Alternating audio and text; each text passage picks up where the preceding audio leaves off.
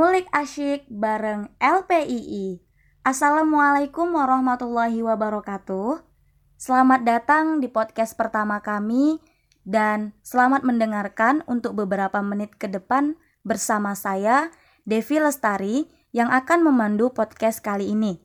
Sebelumnya, saya ingin menyapa teman-teman FEB Unri nih, biar makin semangat dengerinnya. Dan saya mau menyapa dengan sapaan jargon fakultas deh biar nggak kelamaan. Oke, kita mulai ya. FEB 1. Oke, baik terima kasih. Di mana pun kalian berada, semoga sobat yang mendengarkan tetap dalam keadaan sehat walafiat ya. Nah, untuk podcast pertama kali ini, kita mempunyai tema yaitu memangkas batas diriku dengan dosen.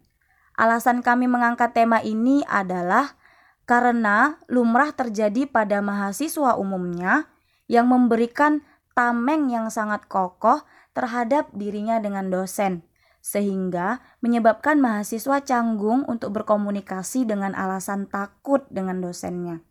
Wah, macan kali ah ditakutin. Nah, dengan adanya podcast ini, kami berharap nih agar kita sebagai mahasiswa bisa mengenal dan lebih dekat lagi dengan dosen kita. Dan pada kali ini kita ditemani oleh dosen FEB yang memiliki segudang prestasi dan sekaligus support sistemnya mahasiswa nih. Beliau adalah Ibu Profesor Dr. Rita Anugrah, Master of Financial Information System AKCA.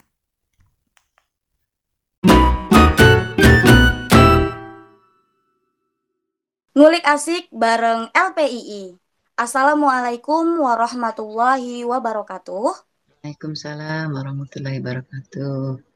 Selamat datang di podcast kami dan selamat mendengarkan untuk beberapa menit ke depan bersama saya Devi Lestari yang akan memandu podcast kali ini. Sebelumnya, saya ingin menyapa teman-teman FEB Unri nih, biar makin semangat dengerinnya. Saya mau menyapa dengan sapaan jargon fakultas, biar nggak kelamaan. Oke, kita mulai ya.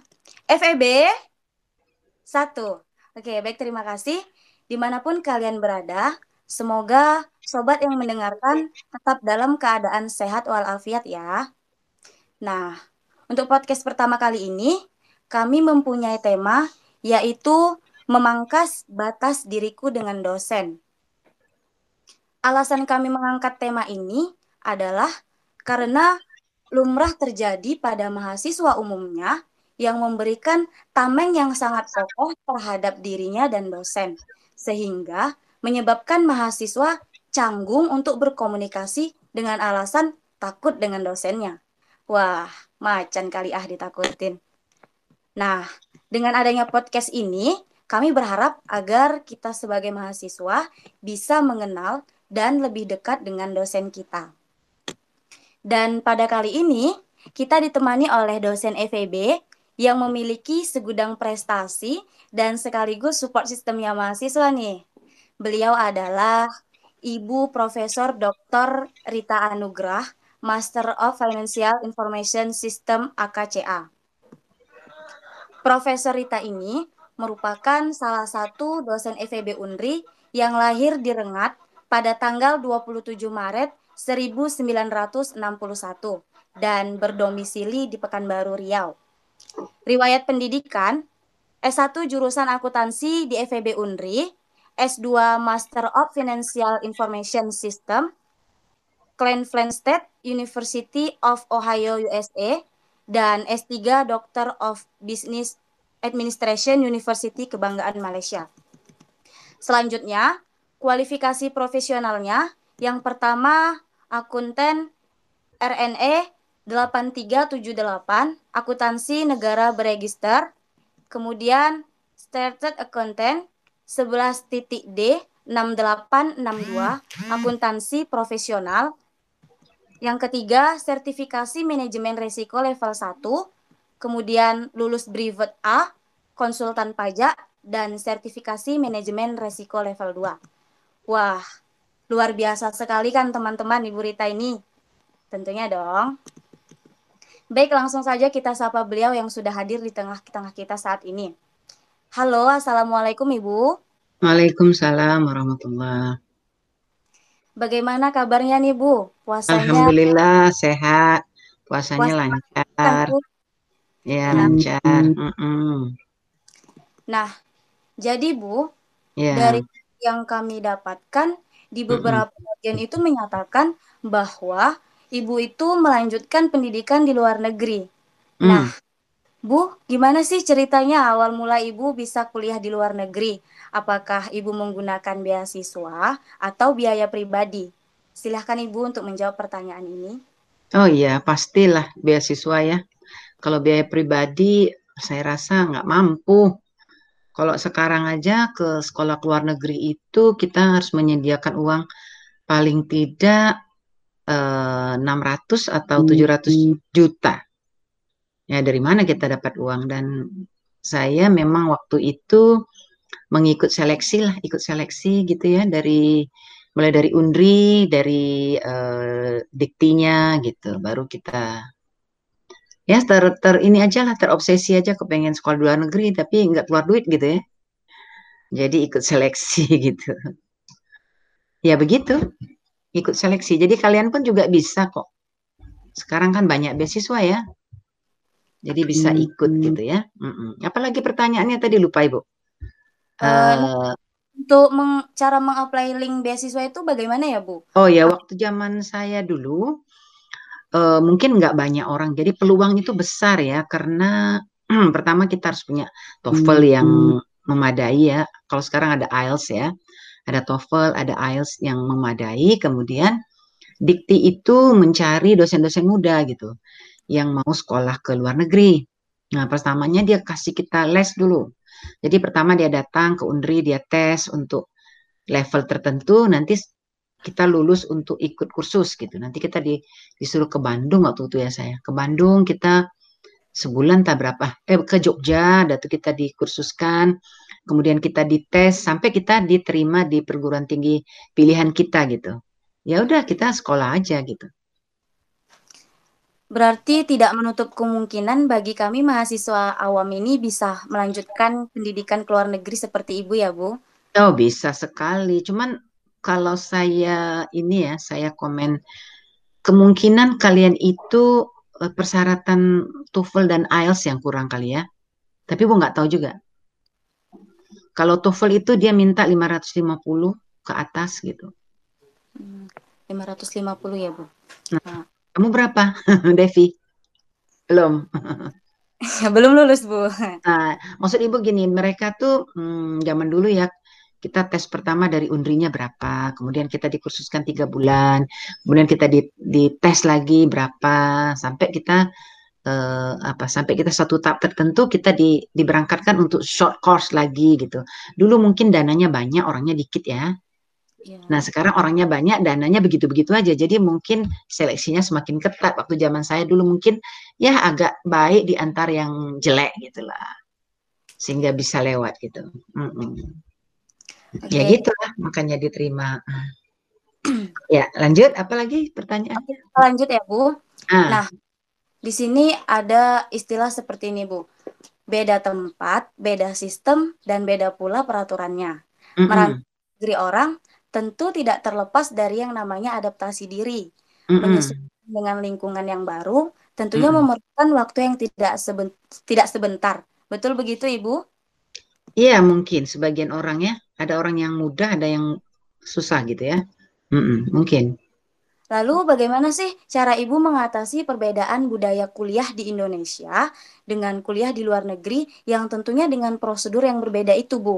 Sementara kan Ibu lulusan S1-nya di UNRI, kemudian Ibu Hmm, S2 dan S3 di luar negeri. Nah, bagaimana cara mengatasi perbedaan budaya kuliah itu?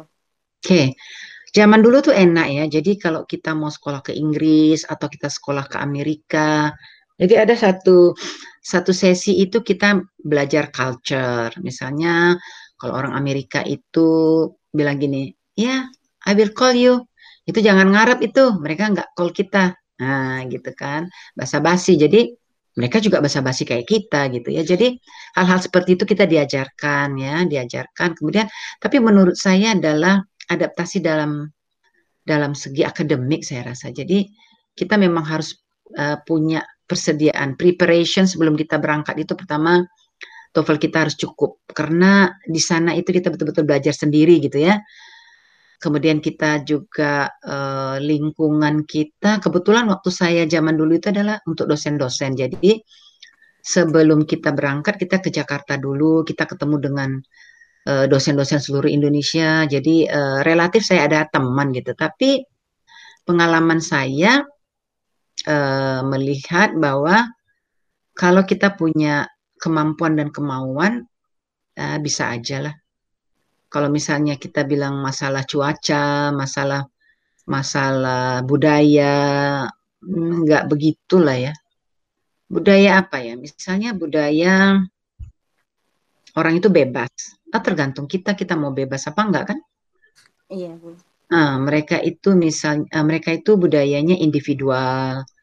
Mereka itu nggak suka ngurus orang dan kalau mungkin kita yang mayoritas Islam berbudaya timur mungkin uh, banyak ya uh, yang nggak cocok sama kita tapi mereka kan orangnya individual jadi orang nggak boleh ganggu orang gitu aja jadi kamu mau buat apa kalau tidak mengganggu saya ya nggak apa-apa. Terus mereka budaya cheating itu sangat once you ketangkap cheating nah udahlah habis kita. Dan mereka itu uh, menerapkan DO dengan drop out gitu, menerapkan DO dengan ketat.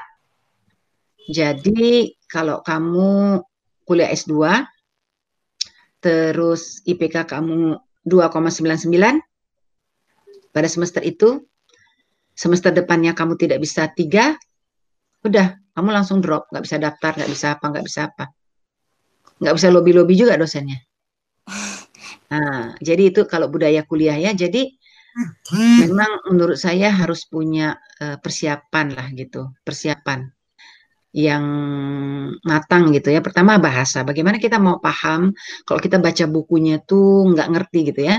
Jadi nggak ada tuh orang datang ke kelas nggak baca tuh nggak ada. Udah baca aja kita nggak bisa gitu.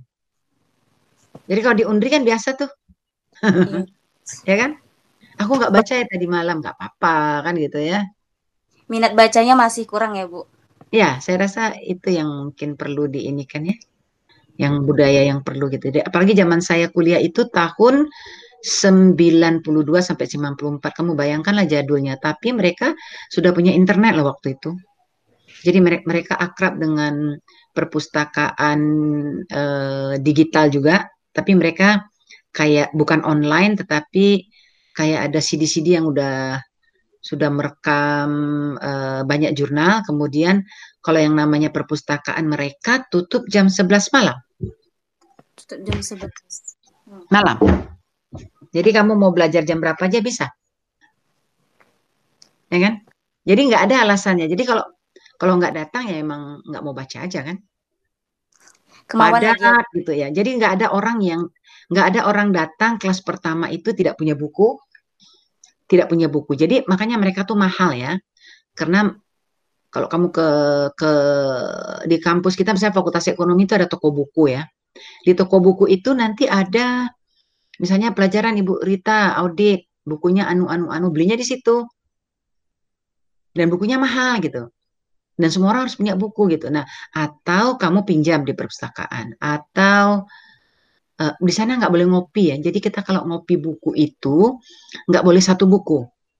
Jadi anak-anak Indonesia pasti pinter satu ngopi satu chapter, besok datang lagi ngopi satu chapter.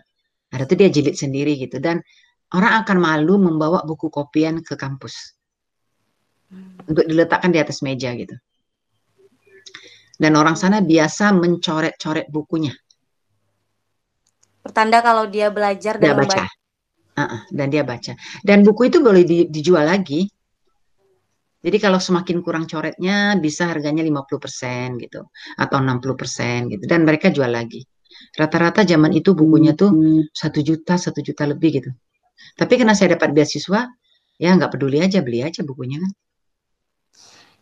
Jadi Bu S1, S2 dan S3-nya itu melalui jalur beasiswa gitu. Beasiswa. Ha, jadi yang orang tua saya bayarin saya itu cuma S1 aja. Dan itu berjuanglah kita. Kita fight. semua nggak semua orang kan bisa dapat beasiswa kan? Iya, Bu. Nah, ya jadi kita harus punya apa ya saya bilang walaupun saya udah berkeluarga, saya saya pergi S2 itu meninggalkan anak saya. Nah, karena nggak tahu ya ibu saya kan juga guru ya, guru SMA jadi mendapat support gitu ya, suami saya juga boleh. Ya udah nggak apa-apa titip sama mama aja paling dua tahun. Kamu kan libur-libur pulang gitu. Anak saya umur setahun saya tinggal. Gitu. Jadi kita memerlukan lingkungan yang mendorong kita gitu. Jadi saya pergi tuh banyak juga orang yang heran, Ih, ibu itu anaknya masih setahun kok ditinggal ya gitu ya. Tapi kan mereka nggak tahu lingkungan saya itu sangat support sekali gitu. Ya. Jadi saya enjoy aja gitu, saya menikmati gitu kuliah. Lagian kan nggak keluar biaya. Iya, tinggal nah. belajar Mm -mm. Nanti libur saya pulang gitu, ada juga saya pulang. Tahun pertama saya pulang, tahun kedua tuh saya wisuda, orang tua saya dengan anak saya datang gitu. Jadi enjoy juga lah menikmati Amerika kan gitu. Zaman itu kan jadinya enak juga ya. Nggak semua orang bisa pergi ke Amerika juga kan. Saya kalau nggak beasiswa ya nggak pergi kan. Hmm. Semoga tertular kepada kami, Bu. Oh, semoga. Amin, amin. Yang penting kalau menurut saya ya, eh, kalau kita punya kemauan itu pasti bisa lah. Ya kita usaha dan kita doa. Jadi menurut saya nothing is impossible, nggak ada yang nggak mungkin. Kalau kita mau bisa. Jadi kamu kalau mau apa aja menurut saya bisa. Mau yang baik aja bisa, ya kan? Asal jangan yang buruk ya. Iya, Bu. Mm -mm. Iya. Jadi motivasi utama Ibu mengejar beasiswa itu sebenarnya apa itu, Bu? Oh, motivasinya. Pertama saya pikir kalau jadi dosen nggak lucu lah S1 aja kan. Sekarang dosen nggak diterima S1 kan. Jadi kita harus punya visi yang jelas ke depan. Jadi dosen ngajar orang S1 jadi S1 gitu ya. Jadi paling tidak dia punya S2 gitu kan. Ya. Nah setelah saya pulang S2, suami saya bilang gini, lah masa kamu nanti kalau mengajar anak S2 kan, masa S2? Wah, jadi harus S3 juga gitu kan. Nah, jadi uh, mungkin itu aja yang karena saya pikir saya mau berprofesi jadi dosen. Kalau jadi dosen itu kayaknya harus nambah-nambah ilmu gitu kan. Nah, nambah ilmu itu kan harus keluar duit. Ya, beasiswa aja lah kita cari. Kita fight gitu. Kalau bayar sendiri wah sangat mahal nggak mungkin kan. Jadi saya selalu mencari peluang beasiswa dan saya pikir juga nggak akan mungkin saya membiayai ratusan juta dengan uh, uang saya sendiri kan ya nggak mungkin lah saya membiayai gitu jadi motivasi saya saya kan harus S2 gitu ya kalau mau diikutkan saya sudah lulus di UGM tahun 89 waktu itu eh ya 89 ya saya ke Amerika itu 92 saya udah, udah lulus tapi saya pikir ah Jogja ya uang beasiswanya kecil nggak bisa jalan-jalan juga kan kalau misal kita di Amerika kita bisa jalan-jalan juga kan ngelihat negara orang gitu. Jadi kebetulan eh, kamu tahu Bu Ria kan, adik saya kan?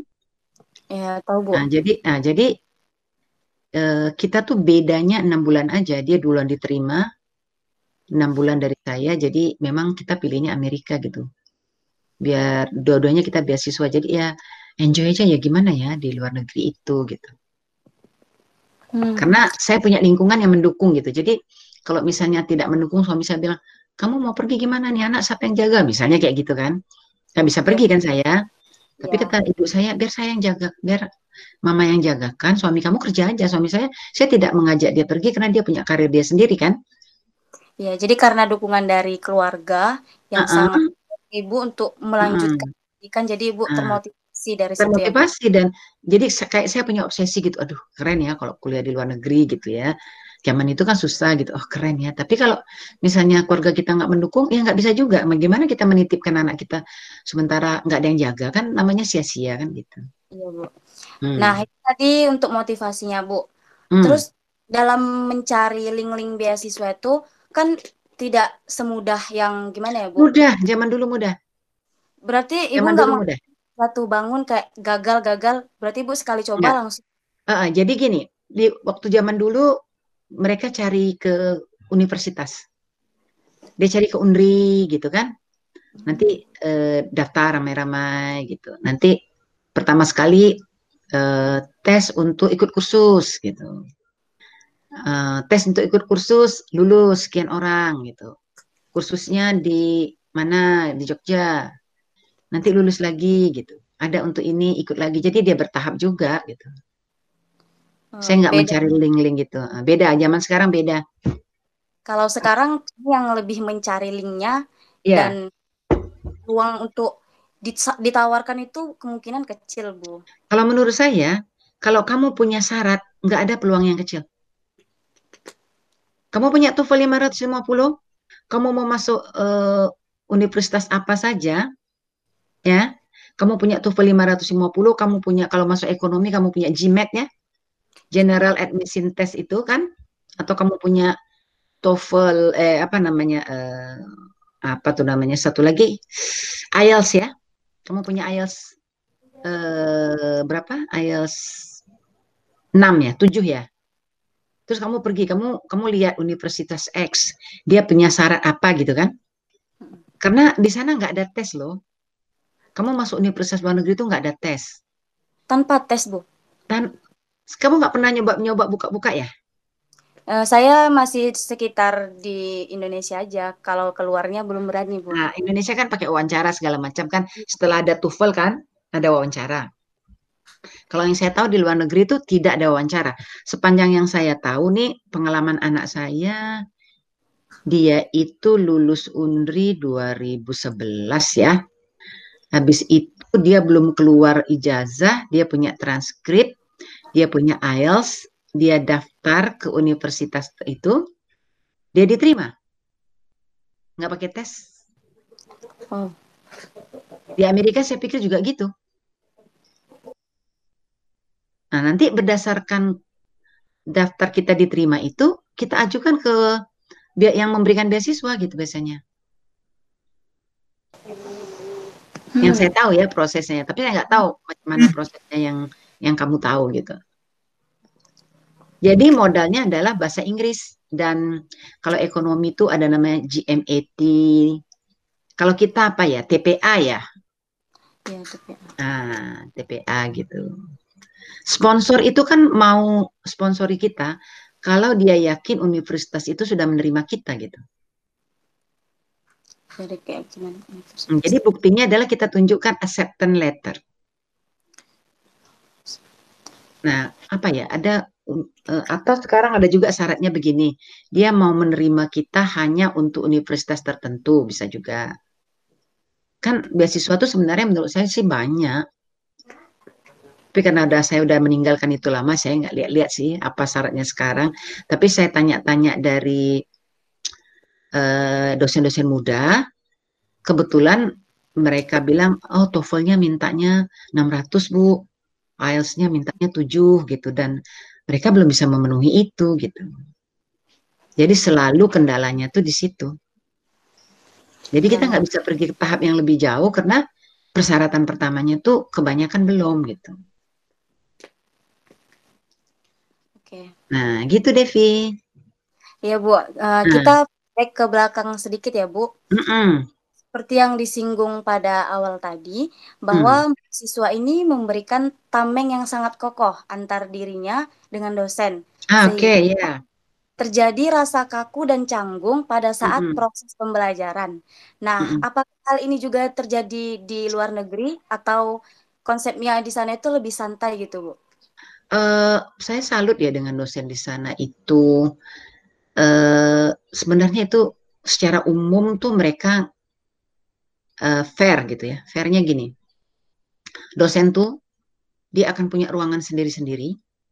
Kayak UGM juga gitu kayaknya. Ya. Punya ruangan sendiri-sendiri, punya pintu sendiri, punya kunci sendiri. Di dalamnya ada ada ini dia, ada meja dia, ada komputer dia, dia terhubung dengan internet, dan dia akan tulis di situ bisa jumpa saya jam sekian sampai jam sekian jadi ada kalau kita kan bentuknya sekarang boleh jumpa tapi ruangannya uh, ini ya rame-rame ya kan? Dan mereka punya jam kerja itu kayak orang kantor gitu. Jadi dari universitasnya jadi dia punya punya waktu untuk kita banyak. Nah tapi bagaimana kita bisa dekat dengan dia tergantung ya. Kalau saya dulu tidak ada yang saya, eh ada yang saya dekat, ketua program itu saya pernah diajak makan ke rumahnya waktu hari Thanksgiving namanya ya, bulan November tuh mereka ada Thanksgiving. Jadi tergantung kita juga, kita akan datang karena dia PA saya. Jadi saya datang, saya begana, saya begini, saya lapor, saya punya masalah gitu kan.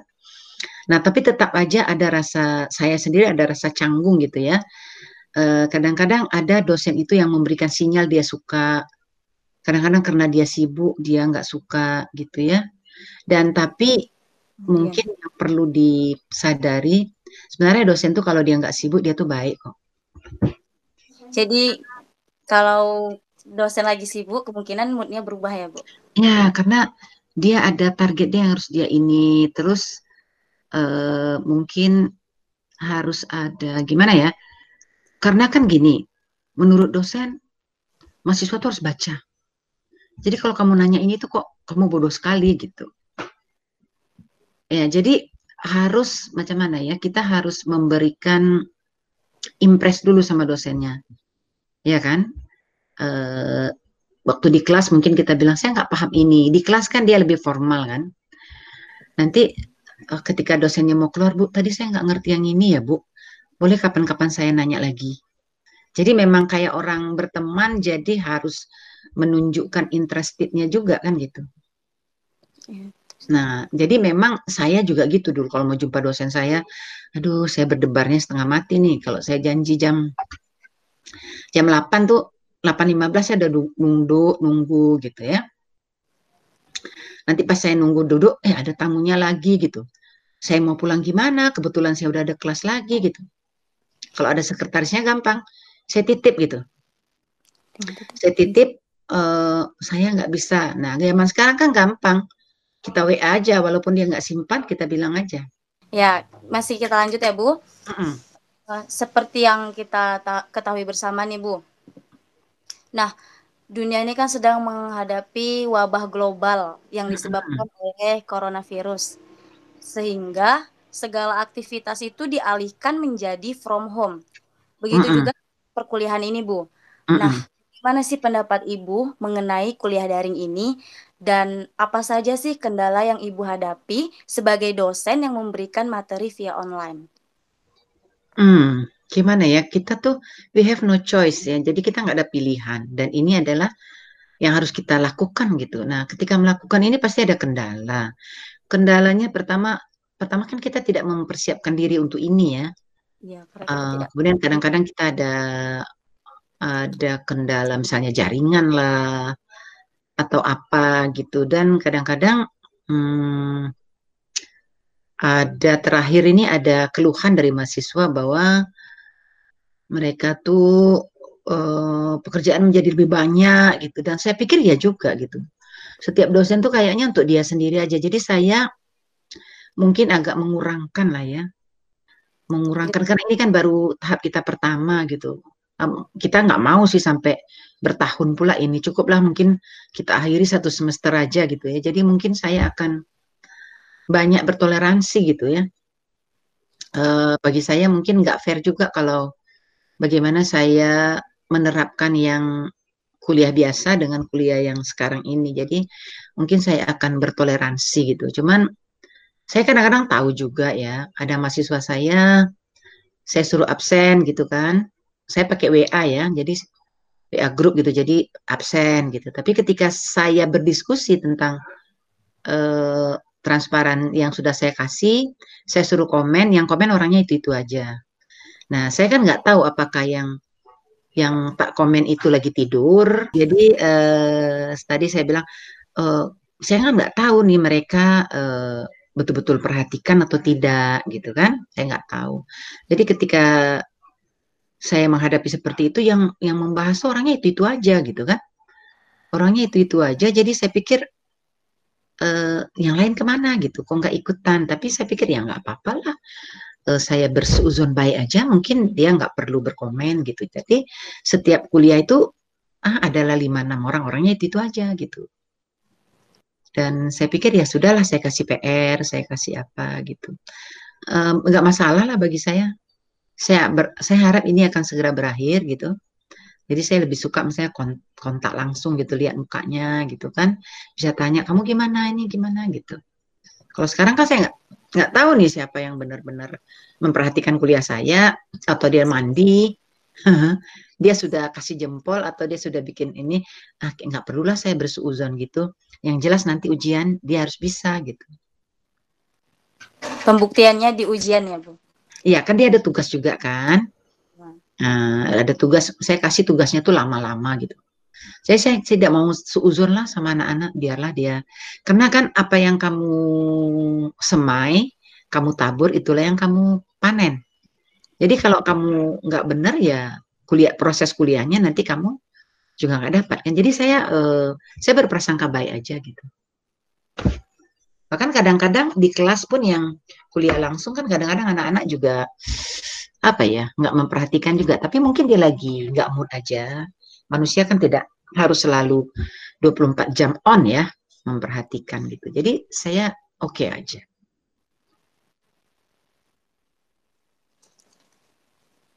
Rasa sabar yang begitu besar sekali bu. Uh, nggak sabar ya tapi saya mempelajari gitu mempelajari karena sekarang ini kan waktunya orang nggak bisa berekspresi langsung. Saya nggak bisa nanya nih, kalau kita pas satu kelas ada 14 orang, ada 20 orang. Saya kan melihat tuh ada yang lagi tiduran. Eh, kamu tadi, coba kamu tadi ibu nerangin apa? Kan bisa langsung gitu. Kalau sekarang kan kita nggak tahu gitu kan. Jadi ya kita anggap aja baik. Beranggap baik bahwa dia nggak ini, dia lagi nggak apa namanya ya, lagi nggak uh, mood aja kan tidak seharusnya gitu. Dan kalau dia nggak mood terus-terusan, bukan berarti dia nggak bisa juga nanti ketika ujiannya. Iya. Mungkin perjalanan waktu mengajak saya begitu.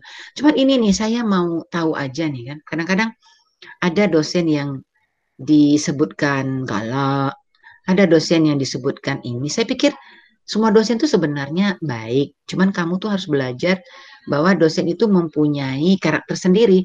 Teman kita aja juga punya karakter sendiri. Oh, orangnya begitu, orangnya begini. Manusiawi sekali kan. Jadi tapi saya pikir setiap dosen itu dia ini kok, dia baik asal kamu juga memberikan apa ya, kamu bersikap sebagaimana mahasiswa seharusnya gitu. Sekali-sekali kita nakal boleh lah kan gitu.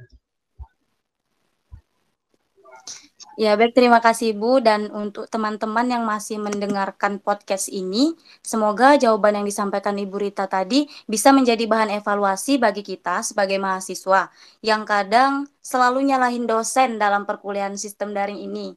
Ternyata hmm. bukan kita yang kewalahan menghadapi kuliah daring ini. Dosen pun turut merasakan hal yang sama. Betul, Bu? Oke, okay, betul. Jadi kalau saya mau katakan begini ya, eh, kita di antara dosen itu ngomong ada yang ada yang mahasiswanya mungkin nggak ada pulsa gitu ya. Dan mungkin di tempat dia itu sinyalnya susah karena udah pulang kampung ya. Dan kalau saya pribadi sih saya memaklumi aja dan e, makanya kan kita ada buku ya. Kita ada buku kemudian kita ada powerpoint yang dikirim gitu yang dikasih sharing sama mahasiswa. Sepanjang dia baca saya rasa enggak lah bodoh-bodoh kali pasti ngerti lah anak Undri nggak akan mungkin gitu ya nggak ngerti. Cuman pasti uh, dosen tuh ada ada ada aturan. Aturannya misalnya kayak saya kalau kasih PR itu satu minggu loh. Satu minggu saya kasih PR gitu ya. Nah ke saya tuh suruh tulis dalam tulisan tangan gitu. Saya kasih kuis juga gitu ya. Kasih kuis juga dan dosen itu sebenarnya stres loh kalau bukan stres ya kecewa. Kalau misalnya dia kasih kuis yang jawab betulnya sedikit gitu. Berarti dia tidak berhasil kan gitu. Nah, jadi ah, dia gagal juga. Aduh kok ada soal 10 nih yang rata-rata bisa jawab 5. Berarti cuman cuman ini gitu ya. Uh, tapi uh, saya pikir ya nggak apa-apa lah. Memang segitu kemampuannya kan. Jadi tidak apa ya, tidak perlu nanti pas ujian ya kita lihatlah apakah kita akan memberikan excuse kita akan eh, apa ya namanya bertoleransi itu pada akhirnya saya serahkanlah kepada dosennya masing-masing. Cuma saya ingin saya ingin bertanya juga nih sama kalian, kenapa kalian suka beranggapan bahwa bahwa oh susah ya sama dosen itu, susah ya sama dosen ini. Uh, kalian harus yakin bahwa setiap dosen itu dia kan manusia juga gitu. Artinya dia mudah kok untuk di di apa namanya dimintai pendapat atau apa tapi kadang-kadang mereka itu apa ya waktunya gitu jadi dia berkejar-kejar dengan pekerjaannya yang mengejar dia gitu. Nah mungkin kalau kita punya PA, alangkah baiknya kita bisa jumpa PA kita, kemudian saya begana begini gitu. Dan memang harus sering-sering di kampus gitu, jangan mengharapkan begitu habis kuliah kita ketemu 10 menit ibunya nggak bisa gitu. Sekarang kan ada WA, jadi kita bisa WA dia bu, saya si Anu, saya PA-nya ibu, boleh nggak saya nanti mau diskusi tentang perkuliahan saya, ibu kan PA saya, kapan ya ibu ada waktunya? Tentu kan kita nanya begitu. Nah waktunya dia itu adalah pas kita lagi nggak kuliah gitu. Ya kita harus datang pas yang dia ada waktunya kan gitu. Nah, misal contohnya seperti itu. Jadi kita harus ada toleransinya. Syukur-syukur kalau dosennya mau nelpon aja gitu. Dan saya rasa menjaga komunikasi itu baik ya. Kadang-kadang tahu nggak dosen tuh nggak tahu bahwa kita itu ada keluarga kita yang sakit, asal yang nggak dibuat-buat lah ya. Kan ada bilang, duh saya nggak bisa bu, begini begini gitu kan. Nah kalau saya bukan banyak alasan. Kalau kita bicarakan itu saya rasa dosennya terima kok.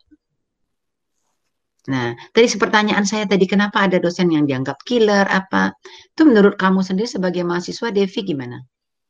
Kalau saya Bu, menurut saya sebenarnya seperti yang Ibu bilang tadi, tidak ada dosen yang killer ataupun kayak gimana ya Bu, dia tuh kejam gitu dalam mendidik. Tapi itu lebih ke diri kita lagi pikiran yang mindset kita itu yang mempengaruhi bagaimana tubuh kita bekerja. Misalnya kita mindset kan nih, Ibu Rita serem, killer. Nah, ya udah kalau kita lagi belajar pada saat mata kuliah Bu Rita, maka suasana akan jadi killer dan seram apalagi sampai menegangkan gitu Bu. Mm -hmm. Kalau yeah.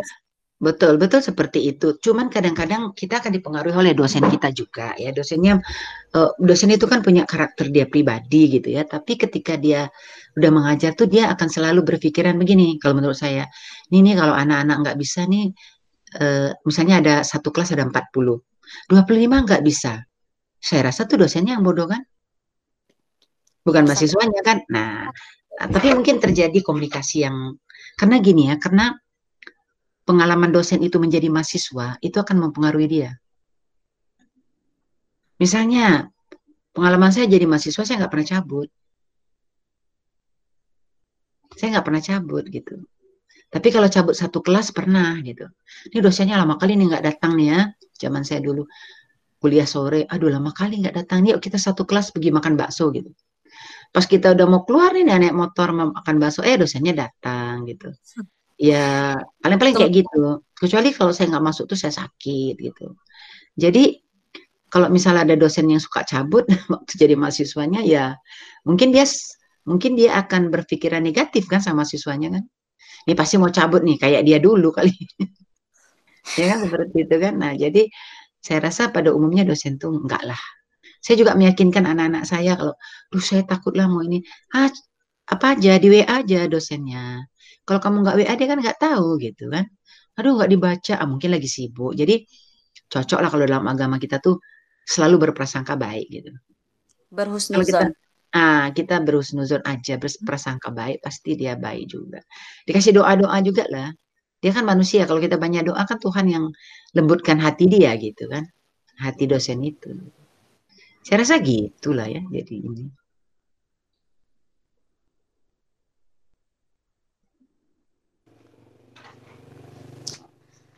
Oke, baik Bu, kita lanjut ya Bu. Iya. Gimana? Sebentar, Bu. Ya. Hmm, nah, kalau mahasiswa itu kan Bu, hmm. identik organisasi. Hmm. Ibu pada saat menjadi mahasiswa, Ibu berkecimpung dalam dunia organisasi atau hanya menjadi mahasiswa yang belajar-belajar dan menaikkan IPK saja Bu tiap semesternya? Hmm, saya tidak aktif di senat, tapi saya suka seni-seni gitu. Saya vokal grup gitu-gitu. Dari SMA saya sudah ikut vokal grup. Jadi dari kelas saya, saya grup saya juara. Kemudian saya mewakili SMA saya. Itu ceweknya saya sendiri loh. Digabung sama grup ini.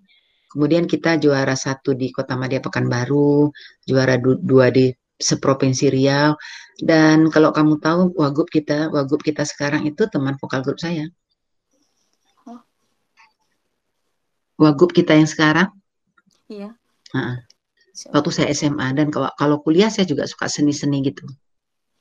Saya jadi ikut-ikut pertandingan-pertandingan yang diadakan di Fakultas Ekonomi gitu. Tapi Berarti- saya tidak ikut inilah ya. Berarti Ibu juga sering mengikuti lomba dalam tingkat mahasiswa gitu ya, Bu? Oh ya, jadi saya ikut paduan suara Unri. Saya ikut pertandingan keluar ke Provinsi Aceh waktu eh ke Medan waktu itu. Jadi Unri itu dapat juara dua kalau nggak salah. Jadi di dalam paduan suara itu ada fakultas sosial, eh ad- ada fakultas apa ya, sospol ya, fakultas ilmu sosial ya. Ada yang fakultas perikanan. Ah. Ah, ekonominya saya dengan siapa gitu cowoknya, yang ceweknya saya rasa saya sendiri. Jadi semester satu aja saya udah ikut-ikut gitu. Nah, Ibu kan sekarang mengajar di Unri. Mm-mm, Dulu Ibu juga kuliah di Unri. mm-mm. Sempet nggak sih Bu terbesit di pikiran dulu waktu jadi mahasiswa, oh nanti aku setelah tamat dari sini aku pengen jadi dosen di Unri. Hmm, waktu baru-baru tamat itu kan kan kita begitu saya tamat memang ada tawaran dan saya pikir ah baguslah jadi dosen aja gitu. Jadi saya tidak me- tidak menghabiskan surat lamaran saya cuma satu ke Undri aja. Karena kita tamatan waktu tamatan saya tuh banyak penerimaan ditawarkan gitu. Jadi saya ikut.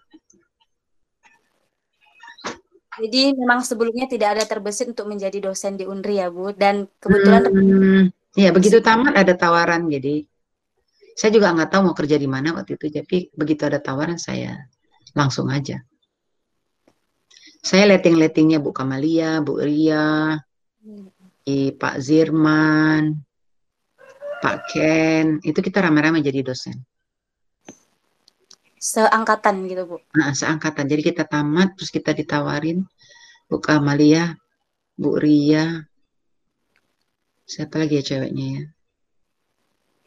Hmm, Bu Vince, Bu Vince nggak seangkat, ya seangkatan ya, enggak kayaknya. Pak Zirman, Pak Azwir, Pak Kennedy, banyak lah. Mm-mm. Ya udah kita rame-rame aja masuk ke Undri itu. Ya, Ibu masih berbicara mengenai activity from home.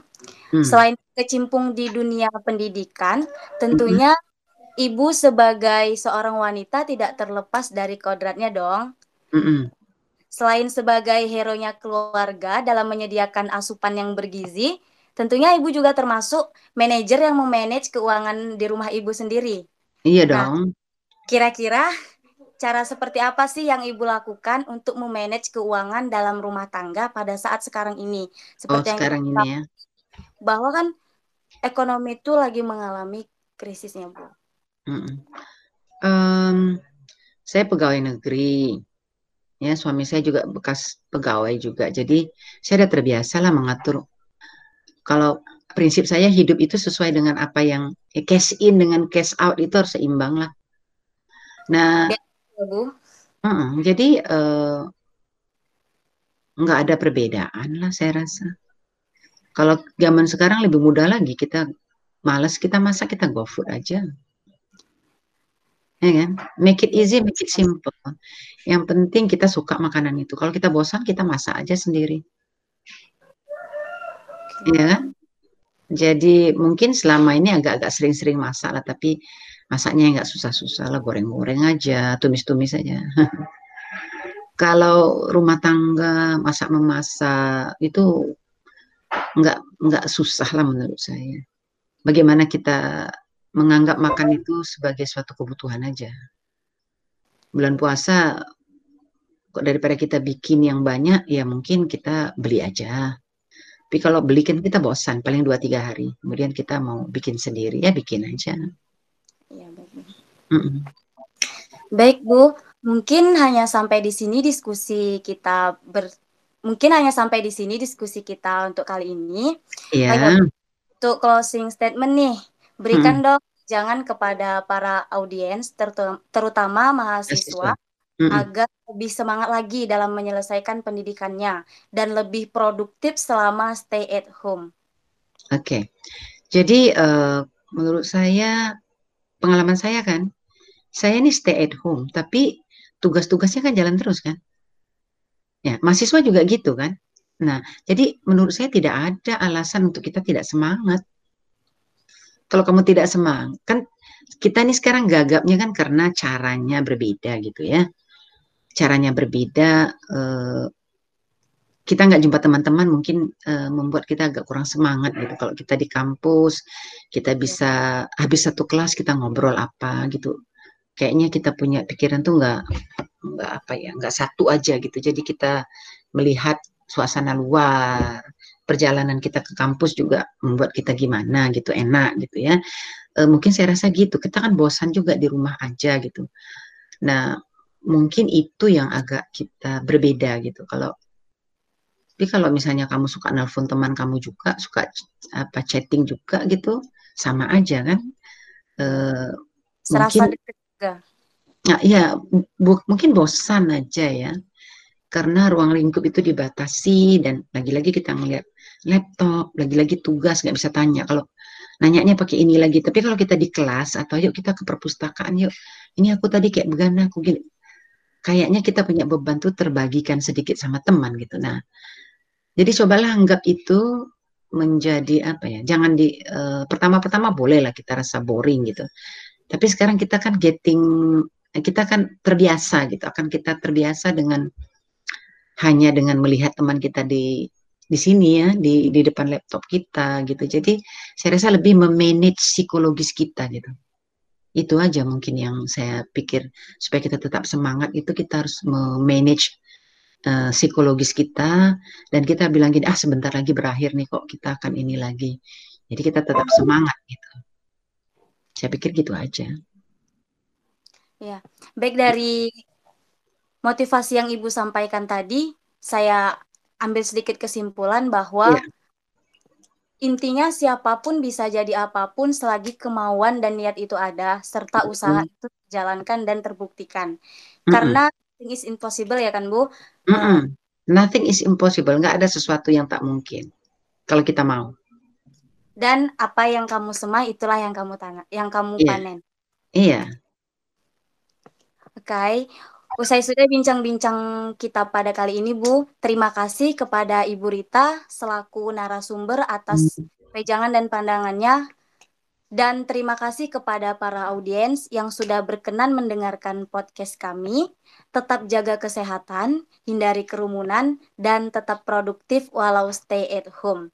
Saya selaku host pada podcast kali ini pamit undur diri dan mohon maaf apabila terdapat kesalahan dalam penyampaian. Wassalamualaikum warahmatullahi wabarakatuh.